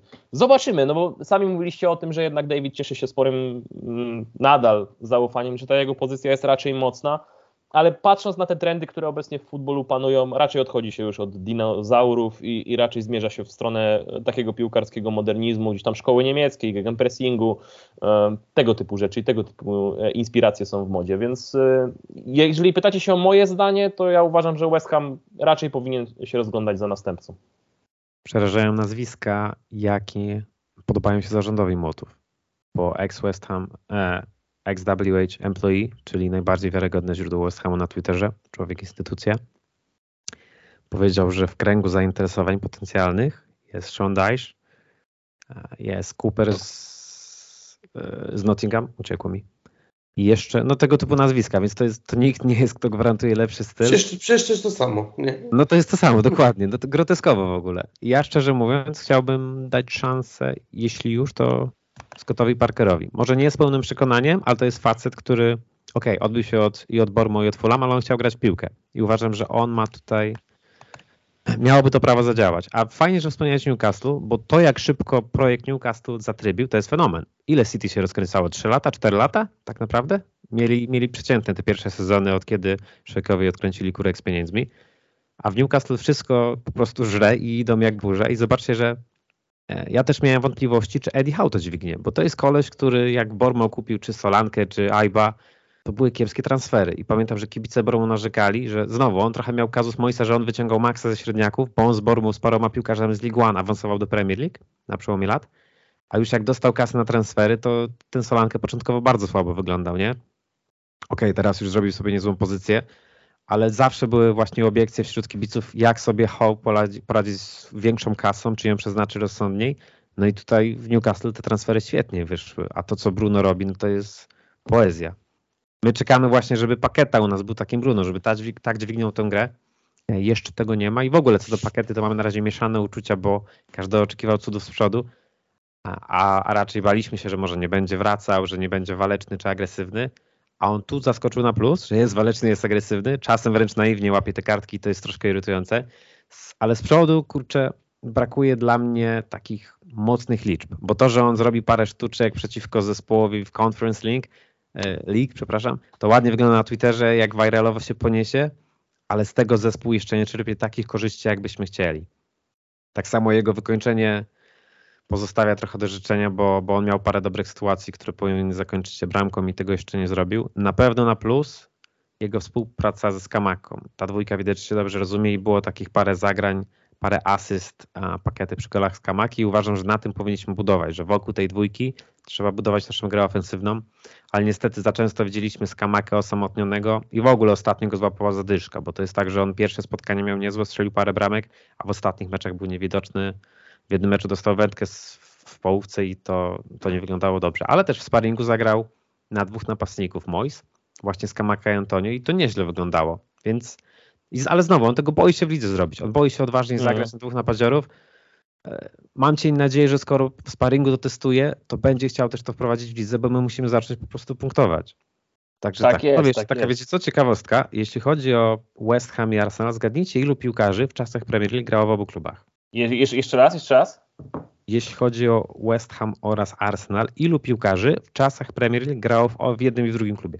20. A, ilu, ilu, dzieliło, ile dzieliło w swojej karierze y, w szatni z piłkarzami West Hamu i Arsenalu? Tak. To ilu było w tym i w tym klubie? Dokładnie tak. Uuu, w erze Premier League. Tak, Piotr powiedział 20. Adam, twoja odpowiedź?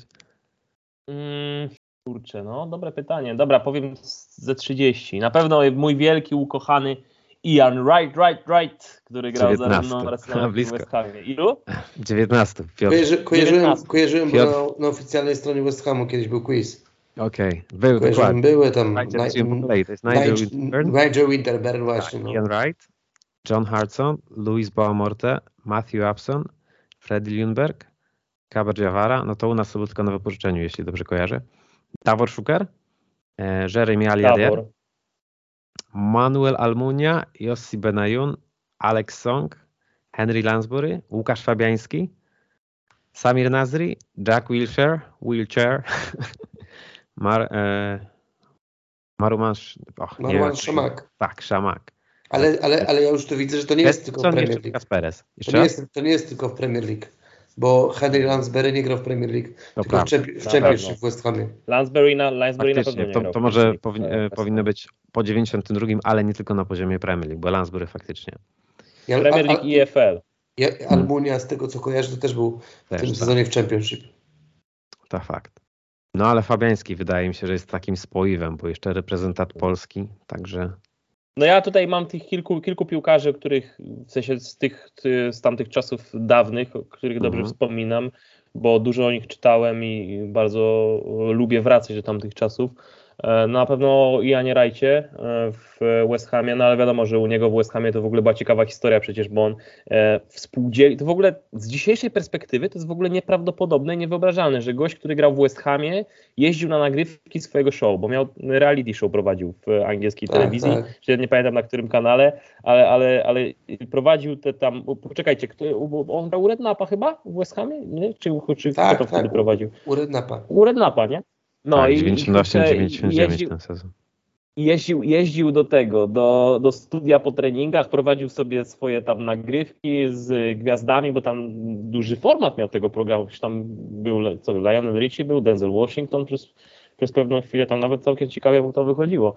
No a jednocześnie też grał w Westhamie. No wiadomo, że przez chwilę, prawda, no bo tam to, to za długo nie trwało, tym bardziej, że tam jeszcze wypożyczenie, to wypożyczenie do Celticu było już, mm, po drodze. Powiedzmy sobie szczerze, że już po drugiej stronie rzeki był wtedy, chociaż strzelał trochę. Był, był trochę po drugiej stronie. Ale już rzeki, tak.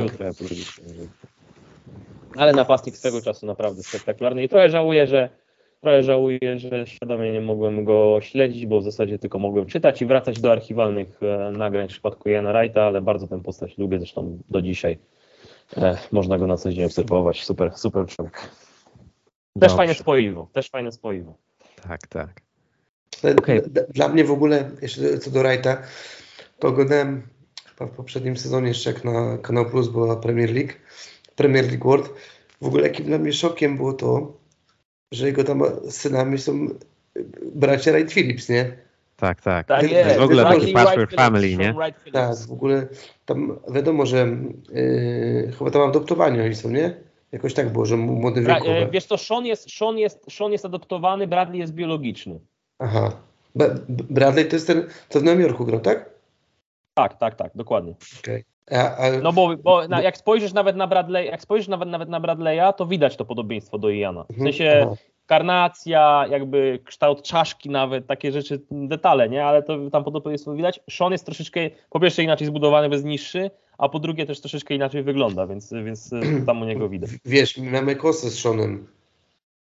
Wright Phillipsem, bo Sean Wright Phillips na, na treningu reprezentacji przyczynił się do końca kariery naszego ulubieńca Dina Ashtona swego czasu, więc my, mm. jako kibice, my jako kibice West Ham mamy kosę z Seanem Wright Phillipsem. Jest jeszcze przecież e, DiMarzio Wright Phillips e, do tego wszystkiego, czyli wnuk e, Iana Wrighta, tak więc ta rodzina, familia piłkarska jest naprawdę dość pokaźna. No chyba w Stoke grał, nie? Coś kojarzę. Tak, tak, tak. tak. Gra? I chyba nadal, nadal, gra w Stoke. Nie, nie odchodził DiMarzio ze Stoke. Cały czas tam siedzi. Pełna zgoda. Panowie, powoli zmierzamy do końca naszej sekcji o starciu West Ham z Arsenalem, więc zakończmy waszymi typami na wynik tego starcia.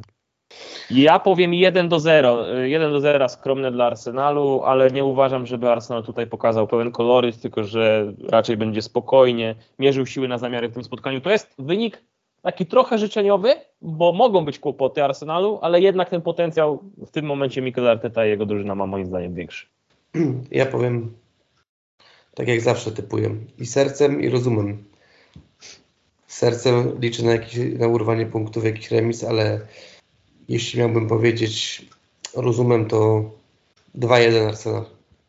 Ja Powalczy, po, powalczymy, ale, ale obstawiam, że będzie jak właśnie w spotkaniach podobny scenariusz, jak powiedziałeś o meczach z Liverpoolem czy z United, że coś będzie fajnego, będą sytuacje, ale czegoś znowu braknie, takie, taka czutka. Gramy jak nigdy, przegrywamy jak zawsze. Ja typuję 2-0 dla kanonierów. Dobrze. Panowie, fantastyczna sekcja. Generalnie czuję, że mogliście tak całą nas gadać. E, Adaś, szalenie Ci dziękujemy za występ w naszym podcaście i liczę, że jeszcze będziesz padał nie tylko jako kibic Arsenalu, ale po prostu pogadać o Premier League, o West Hamie, o tym, co się dzieje w świecie angielskiej piłki. Także Panowie, z wielką chęcią, z wielką Super. chęcią naprawdę. Była to dla mnie duża przyjemność, można gadać i gadać, tak więc mam nadzieję, że do następnego. Dziękuję Wam bardzo. A gdzie stacjonujesz? Bo kiedyś też myślę, żebyśmy stacjonarny podcast zrobili w jakimś jednym studiu. Wiesz, wiesz ja jestem stacjonarnie na co dzień w Krakowie, ale okay. bywam też w Warszawie, więc... E, Dobrze, no to... Będziemy będziesz, gadać na pewno. Będziemy gadać, dokładnie tak. Świetnie. Dzięki wielkie za udział, a my przechodzimy do kolejnych tematów. Mega dzięki panowie, trzymajcie się. W takim dzięki razie ja się rozłączam się, i hej. zostawiam was z, z dalszymi segmentami. I dobrego Dzięki. meczu e, e, sobie i wam życzę. I wesołych, wesołych świąt. Wszystkiego dobrego. Wszystkiego wesołych, wesołych, właśnie, wesołych panowie. Zdrowych, przede wszystkim zdrowych, spokojnych, wesołych świąt. Odpo odpocznijmy, a później w Boxing Day wjeżdżamy z grubej rury. Dokładnie Trzymajcie tak. się, hej. Trzymaj się, dzięki. Trzymaj się, dzięki. Dobra. Świetnie nam się toczy dyskusja. Lecimy do kolejnego punktu. A kolejny punkt to są sparingi. Piotrze, rozegraliśmy trzy mecze sparingowe. I wyniki tak naprawdę nie wyglądają źle, bo na trzy mecze wygraliśmy dwa. Ale no właśnie, czy, czy jest na czym budować? Przypomnij, wygraliśmy z Cambridge 4 do 2, 3-1 z Udinese i ostatni mecz zakończył się remisem z Fulham 1 do 1. Powiedz, jakie są twoje wrażenia? Czy uważasz, że ktoś może zaplusował? Też, czy jest sens robić takie mecze, bo tak naprawdę ten uraz Kamaki, czy to, że Kresło odszedł kulejąc, jest powodem naszych frustracji i może być problemem właśnie, właśnie w meczu z Arsenalem, bo nie wiemy, kto wystąpi w ataku. Jak ty to widzisz? Nie, no jest, oczywiście, że jest sens i wiadomo, że tu są negatywne strony, kontuzje, ale no nie, nie, mógł, nie mógłby zespół wejść na mecz y, z Arsenalem y, po półtora miesięcznej przerwie, bez żadnego sparingu, bez kontaktu z rywalem, bez takiego grania pozatreningowego, więc jak najbardziej powinien być ten sparing. Niestety mamy problemy z urazami przez te, przez te sparingi, ale na pewno, tak jak powiedziałeś, wyniki są, są spoko, ale martwi mnie trochę to, że właśnie takie fazy miały te sparingi, tak, że były fazy, czyli jedna połowa była bardzo przeciętna, brakowała jakiejś tam sytuacji, a w, dru a w drugiej na przykład graliśmy lepiej. Zazwyczaj tak było, bo podobnie było z Cambridge, podobnie było z Udinese, tak.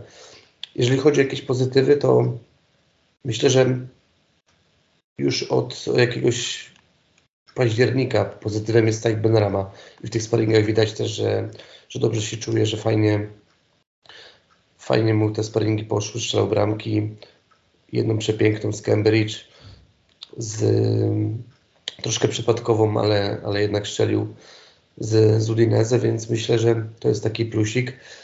I też ciężko jakiekolwiek wnioski wysnuwać, bo powiedzmy sobie szczerze, tak jak gadaliśmy z Adasiem jeszcze przed chwilą, że po prostu w tych sparingach grali zawodnicy, którzy no niekoniecznie będą grali w pierwszym składzie. Nie było kluczowych zawodników jak Pakety, Rajsa czy Aguerda, który, który ok, nie grał, nie grał w, pierwszej, początku, w pierwszej części sezonu, ale jednak y, oczekujemy, że będzie kluczową postacią w obronie, tak? Ja też uważam fajnie, że Aguerd zagrał w mistrzostwach. Okej, okay, abstrahując od tego, że złapał, złapał delikatny uraz na końcu, ale to, że rozegrał tyle spotkań na wysokim poziomie, pod dużą presją, uważam, że zaprocentuje i że on jak teraz tylko wyleczy się, a prawdopodobnie wyleczy się, czuję, że z Arsenalem jeszcze nie zagra, ale w kolejnym meczu już tak. Kolejny z Leeds, jeśli dobrze sięgam pamięcią. Z Leeds, i Brentford chyba Leeds taka kolejność. Co ciekawe, na Leeds też ma wrócić Kornet z tego, co mówi Ex, no. ale z, z tymi jego terminami powrotu to już już parę takich było i Zgadzam się z tobą, Maćku, co do Aguerda, bo on naprawdę dobrze wyglądał, trzeba tak, przyznać. Tak, co? tak świetnie, wszystko świetnie wyglądał i to też myślę, że inaczej mogłaby ta defensywa wyglądać, wyglądać Maroka w ostatnim meczu o trzecie miejsce, gdyby był Aguert i Saiz zdrowi. Ale co do, co do tego, co powiedziałeś, że super, że grał, tak, że na pewno super, bo wiemy, że on po tej kontuzji zagrał w dwóch meczach Ligi, Ligi Konferencji i w, i w meczu pucharowym z Blackburn, Pucharze Ligi. I, i tak naprawdę wszedł przy kontuzji Zumy, tak, w, w Premier League w ostatnim meczu z Leicester, więc y, to troszkę wymuszone, więc na pewno gdyby nie zagrał na tym mundialu, to by miał, myślę, że jakby to powiedzieć, gorsze wejście w tą, w tą teraz y, ten, ten etap sezonu, który się zaczyna, bo myślę, że yy, to trzaskanie na takim najwyższym poziomie, tak, że już na pełnej, na pełnej takiej obrotach, gdzie zagrał, to na pewno zaprocentuje. Okej, okay, czyli największym wygranym sparingów? Benrama? Tak, okay. a tak. największy przegrany? Ktoś, kto nie, nie dźwignął, nie, nie wykorzystał tej szansy według Ciebie? No cały czas, cały czas mam bawę o, o Ogbonę jednak. Myślałem, że dostał tę mhm. szansę, ale jednak, jednak cały czas utwierdzam się w tym, co mówimy, że jednak to może być już, już dla niego trochę to Senewrat już Premier League. To Senewrat. Też mam taką obawę. Ok, przechodzimy dalej. W zasadzie przy tym punkcie jeszcze możemy zrobić szybciutkie podsumowanie mundialu i też na zasadzie kto na plus, kto na minus. E, ja powiem dla mnie na plus Aguert w zasadzie z tych samych przyczyn, bo wszedł po długiej kontuzji i wyglądał bardzo solidnie, a na minus Kerer, który wcześniej grał od dechy do dechy wszystko, a tu dosłownie epizodyczne bodaj 60 minut w jednym meczu, czy 70. 60 tak z Hiszpanią. 60 z Hiszpanią, tak to siedział na ławce no ja kiepsko, bo liczę, ja powiem... że on właśnie jako pewniak hmm. grający wcześniej, miałem nadzieję, że dobry mundial pomoże mu złapać stały rytm i, i gdzieś tam, wiesz, dobrą formę scementować, a, a zupełnie odwrotnie, kurczę. mam tak. obawy, że tak jak właśnie miał nierówną formę w West Hamie, to te mistrzostwa zupełnie mu nie pomogły w stabilizacji, a wprost przeciwnie. Tak, to ty, ja postaram się w kilku słowach każdego podsumować. Mhm. O Aroli nie ma co gadać, wiadomo, tak chociaż, chociaż łudziłem się, że będzie numerem 2, nie numerem 3, bo w trakcie meczów Ligi Narodów był, był numerem 2, później wskoczył nawet jako numer 1, gdy kontuzję miał Loris i Menion i wtedy tylko y, Mandandę dowołali, a, a teraz Mandanda był dwójką, a Arola trójką, więc tu nie ma co się rozwodzić. Declan Rice trzymał poziom, tak, trzyma poziom, ma parę meczów w ostatnim roku, dwóch, może takie słabsze, o których możemy coś negatywnego powiedzieć, ale cały czas trzyma ten poziom, był ważnym zawodnikiem w reprezentacji Anglii. Aguert jak najbardziej na plus, super wyglądał i to trzeba zauważyć, że Aguert grał nie na, nie na może grał na swojej nominalnej pozycji, ale w innym ustawieniu, bo on jest lewonożny, grał na, na, jako półprawy stoper, bo Roman Saiz też jest lewą obrońcą, więc lewym środkowym obrońcą, lewonożnym, więc selekcjoner musiał postawić jednego bardziej z prawej i też super, super się pokazał. Y, co do, co do pakety, no to jesteśmy chyba Maciek zgodni, że widzimy go na ósemce obok Rajsa, tak? Tak, zdecydowanie. I kto jeszcze został nam? No i Kerer, Kerer tak z tą Hiszpanią zagrał. Pamiętam, zawsze się szczyciliśmy tym, że o w silnej reprezentacji Kererga na, na, na prawej obronie najwięcej minut zagrał od kiedy Hansi Flick jest selekcjonerem, ale pokazał ten mistrzostwa, że tak jak wspomniałem na podcaście poprzednim, że Niklas Zyle musiał grać na prawej obronie, bo Flick nie był przekonany do Kerera, a... To jest skandal, bo Zyle to nawet jak piłkarz nie wygląda, a już to jak na obrońca. Dokładnie, no i w tym meczu z Hiszpanią oglądałem ten mecz, więc było to uosobienie Carrera, które widzieliśmy w West Hamie. Czyli okay. elektryczny i, i, po prostu głupią kartkę złapał, był trochę spóźniony i no nie był to dobry mecz. Tak jak nie był dobry mundial Carrera, tak jak nie był dobry mundial Niemiec. Piłkarzem West Hamu, który zagrał na mundialu, choć jest teraz na wypożyczeniu w Torino, jest Vlasic i on zaliczył całkiem niezłe spotkania. Pytanie, czy według Ciebie jest jeszcze szansa, że on wróci do nas, czy jednak jesteśmy przekonani, że Torino skorzysta z wykupu i nie zobaczymy go już w barwach mutów? Uważam, że przydałby się i bardzo by chciał, żeby wrócił, ale uważam, że ta, ta umowa podpisana z Torino jest tak niekorzystna dla West Hamu, a korzystna dla Torino, że nawet jeśli Torino nie byłoby stać na jego wykupienie, to oni zapożyczą się na te pieniądze i go wykupią i sprzedadzą go dwa razy za takie pieniądze, za którego kupili. I niestety. Przypomnij, tam jest kwota 15 milionów euro, tak? Euro, tym bardziej euro, więc to jest tam mm. około 12 milionów funtów. To jest, to jest naprawdę.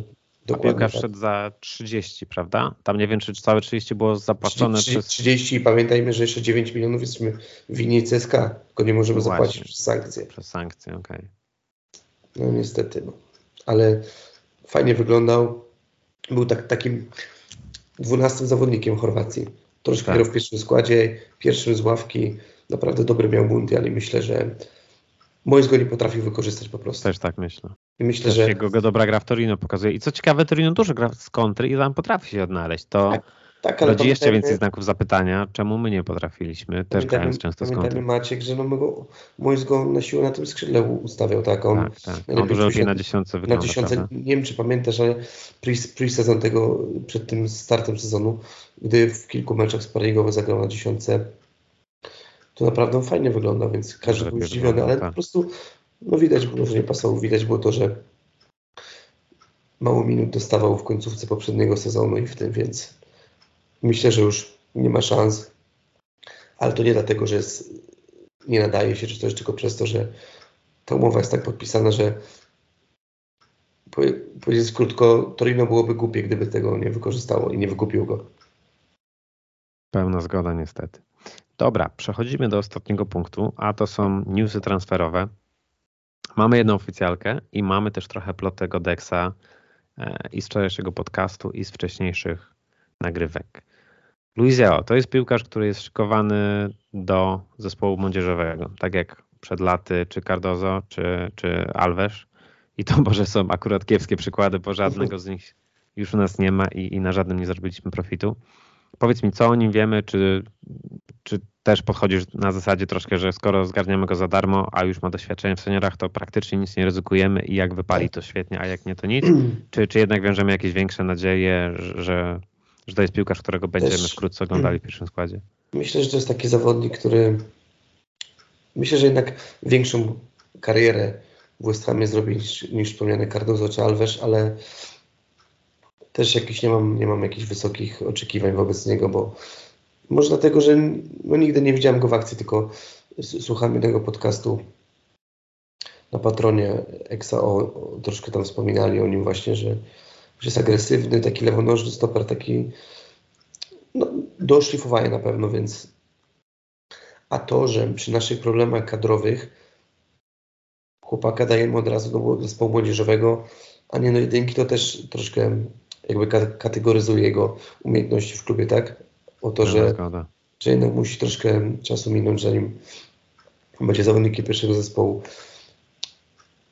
Jeżeli, jeżeli słuchając tych plotek, przeczytałem takie nazwisko, też pisał o tym chyba 90 e, minut.com, o tym drugim zawodniku z São Paulo, Pablo Maja. Maja. A, Pablo Maja. Pablo Maja, Tiago tak. Tak. To jest kiedyś w Lille grał, też go kiedyś chcieliśmy za Pellegriniego chyba. Dokładnie. Ale, ale ale Tiago Maja to naprawdę fajny, fajny pomocnik i, i nim bym się bardziej jarał niż Luizao, ale, ale zobaczymy, co z tego będzie. Okej, okay. zostajemy w środku obrony, bo możliwe są wzmocnienia na tej pozycji, szczególnie, że e, jest cień szansy, że puścimy Dawsona już teraz. Wydaje mi się, że jak zrobimy jakiś transfer przychodzący, to faktycznie pozwolimy mu teraz odejść ze względu na sprawy tak. personalne i Ex wspomniał, że rozważamy, właśnie chcielibyśmy piłkarza w stylu Dawsona i rozważamy Michaela Kina z Evertonu, co mnie akurat w ogóle nie, nie napawa optymizmem. Jeśli dobrze kojarzę, to jest jedyne nazwisko, jakie wymienił, bo, bo on jest, do, znaczy jest hmm. dostępny. Mm, kojarzysz jakieś inne nazwisko środkowego obrońcy, które się przewijało? Chyba nie, ale musimy zacząć od tego, co ci mówiłem o tym wywiadzie Moisa w Talksport. Przeczytałem dzisiaj, że zapyta, moi zapytali o o, o transfery zimowe. Powiedział, że on się nie spodziewa jakichś ruchów. Tak. Więc Ogólnie będziemy wypożyczeń szukać. No Typowy tak, West Ham wjeżdża. No tak, ale pewnie się okaże, że 31 stycznia, że Boys powiedział, to, nie, to jest zawodnik, nie jest lepszy od tych, których mamy. I, tak, tak. Środkowych obrońców za bardzo może ten Aguert nas uratuje, no, no, jego był, był, no był ten Kiwior, tak, Kiwior był, ale no, nie Ale Kiwior się. podobno dogadany jest tak. we Włoszech, Kiwior, czy to z Juve, czy z Milanem, nie tak. pamiętam, ale tam rozmowy są zaawansowane. Kiwior zostanie we Włoszech, a po drugie y, Specja będzie chciała pewnie około powyżej 20 milionów, a my tyle w zimę nie, nie damy, więc możemy między bajki tą, tą historię, historię E, wrzucić, ale myślę, że tutaj skupimy się na tej prawej obronie chyba, nie? Tak, Jesteśmy zgodni. Ciekawe nazwiska dzisiaj padły. E, w zasadzie wykluczył dwa nazwiska, które powiedział ostatnio, tydzień temu, bo wykluczył Isaiaha Jonesa z Middlesbrough i wykluczył Aronsa z Norwich, bo te zespoły walczą o awans, więc powiedział, że mhm. My na pewno nie będziemy chcieli zapłacić pieniędzy, jakich by oczekiwały no, kluby. Tak, taka sama sytuacja jak, jak z Johnsonem, czy tak z, z, z, chyba z Johnsonem i z Bretonem Diazem, tak? Poprzednim Dokładnie roku. tak. Ale e, w grze jest Van Pisaka. My byśmy chcieli oczywiście wypożyczenie, głównie ze względu na to, że on od dłuższego czasu nie jest w rytmie meczowym i nie miał serii spotkań. I to jest ciekawa opcja. Ja bym szczerze mówiąc chętnie przygarnął go ja z opcją wykupu. Uważam, że znowu, no my uwielbiamy zawodników, którzy jeżdżą na tyłku, on daje sobie wszystko. Trochę martwi jego to, że do przodu on dużo nie oferuje, ale przy naszych problemach obronnych wystarczy mi, że on będzie stabilnie tak. grał w tyłach i nawiąże do swoich czasów Palace jego atuty obronne, jego atuty w grze obronnej na pewno by nam się przydały. Plus wychowanek, tak? To znaczy tak, wychowany tak, no, na, na wyspach, więc ten... Dokładnie, to też jest plus, ale... to też jeszcze, było, jeszcze było nazwisko chyba Josipa Juranowicza, tak? Tak, i to jest ciekawe, bo ex powiedział, że podobno Celtic jest gotowy go puścić za 6, 6 milionów. Tak. I to jest bardzo niska kwota, a on ma świetny mundial. No przecież w meczu z Brazylią facet zrobił niesamowite rzeczy na, tej, na tym prawej obronie, gdzie, gdzie zatrzymywał Neymara. W ogóle nie pamiętam, pisaliśmy o tym na naszej grupie, że nie pamiętamy, kiedy ostatnio jakiś piłkarz się tak wypromował z Ligi Polskiej. Także ciekawe. No i, i powiedz mi, widziałbyś Joranowicza u nas? Myślisz, że to jest piłkarz, który ja, ja, ja przez, ostatnie, temat? przez ostatnie lata wyrobiłem z taką opinię, że już nie jestem aż tak zajarany kimś, jak zagra w trzech czy czterech meczach dobrego mundialu. Zresztą Walencja tak na nas przyszedł, to był mocno nierówny, prawda? A Dokładnie, teraz znowu tak. na mundialu szalał. Dokładnie i to jest trochę taki wyznacznik, trochę jakby ten Walencja trochę, trochę mnie jakby strofuje z tym Juranowiczem. Uważam, że jest, że jest bardzo dobrym zawodnikiem.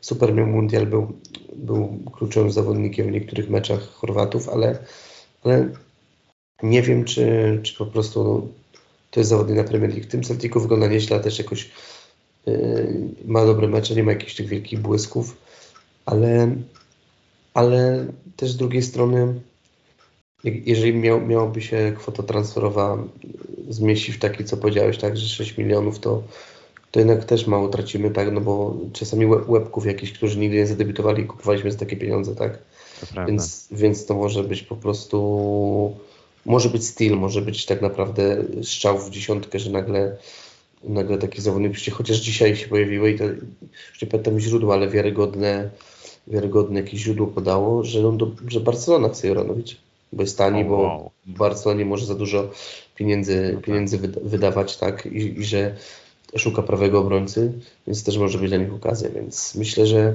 no, Konkurencja tak, też będzie duża po takim mundialu. Jakie sprawy Dokładnie. dobra obrońca za 6 baniek, no to Dokładnie. jeszcze wracając do konkurencji, to w kontekście Van Bisaki, podobno jak się pojawi klub, który jest gotowy go kupić, a Watt jest rzekomo na to gotowe, to wtedy nie mamy szans, bo my nie będziemy no. chcieli go wykupić. Więc tu no też. Tak.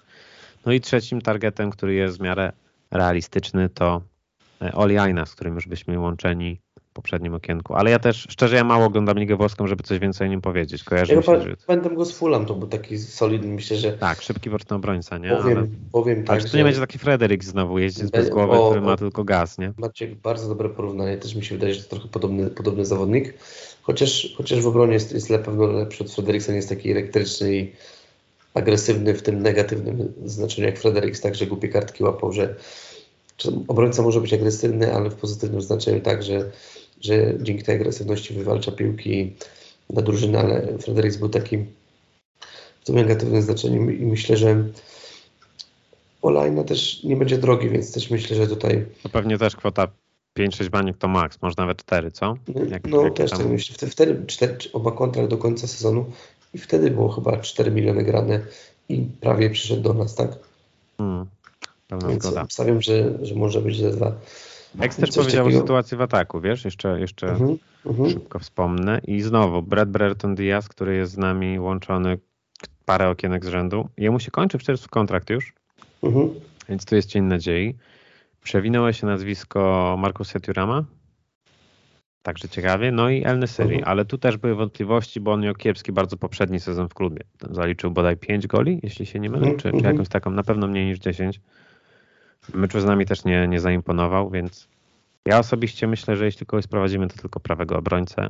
Też Chyba, tak że właśnie taki Kane na wypożyczenie na, na środek, ale, ale ja też nie chciałbym tego transferu, bo uważam, że to jest kiepski piłkarz, a już na pewno nie, nie na nasze potrzeby i a co do napastnika, to raczej nie wierzę, że kogoś sprowadzimy. Ja też nie. Także na okienko wielkich nadziei myślę, że nie ma co sobie robić. No dobrze, no to co? Mamy, wydaje mi się, że powoli dobiegamy do końca długiego podcastu, bo, bo zaraz będzie godzina 30, ale świetnie się gada i bardzo się cieszę, że porozmawialiśmy sobie o nadchodzącym meczu. Ja ten mój typ 2-0 to tak tylko rozumiem, bo w serduchu liczę, że West Ham zaskoczy tak, jak to wielokrotnie robiliśmy. Mało mamy twardych argumentów, żeby taką tezę na nich, mhm. żeby ten, taka teza bazowała na nich, ale to jest futbol, więc wiemy, jak to wygląda. Dokładnie. Dobrze. Okej. Okay. Dobrnęliśmy do końca. Dziękujemy serdecznie słuchaczom. Dziękuję bardzo. Słyszymy się w przyszłym tygodniu, prawdopodobnie dzień po meczu z E, z Arsenalem. Wtedy tak sobie jest. podsumujemy. Dobra. Come on you Irons i do następnego. Dzięki Ci Piotr. Come on you Irons.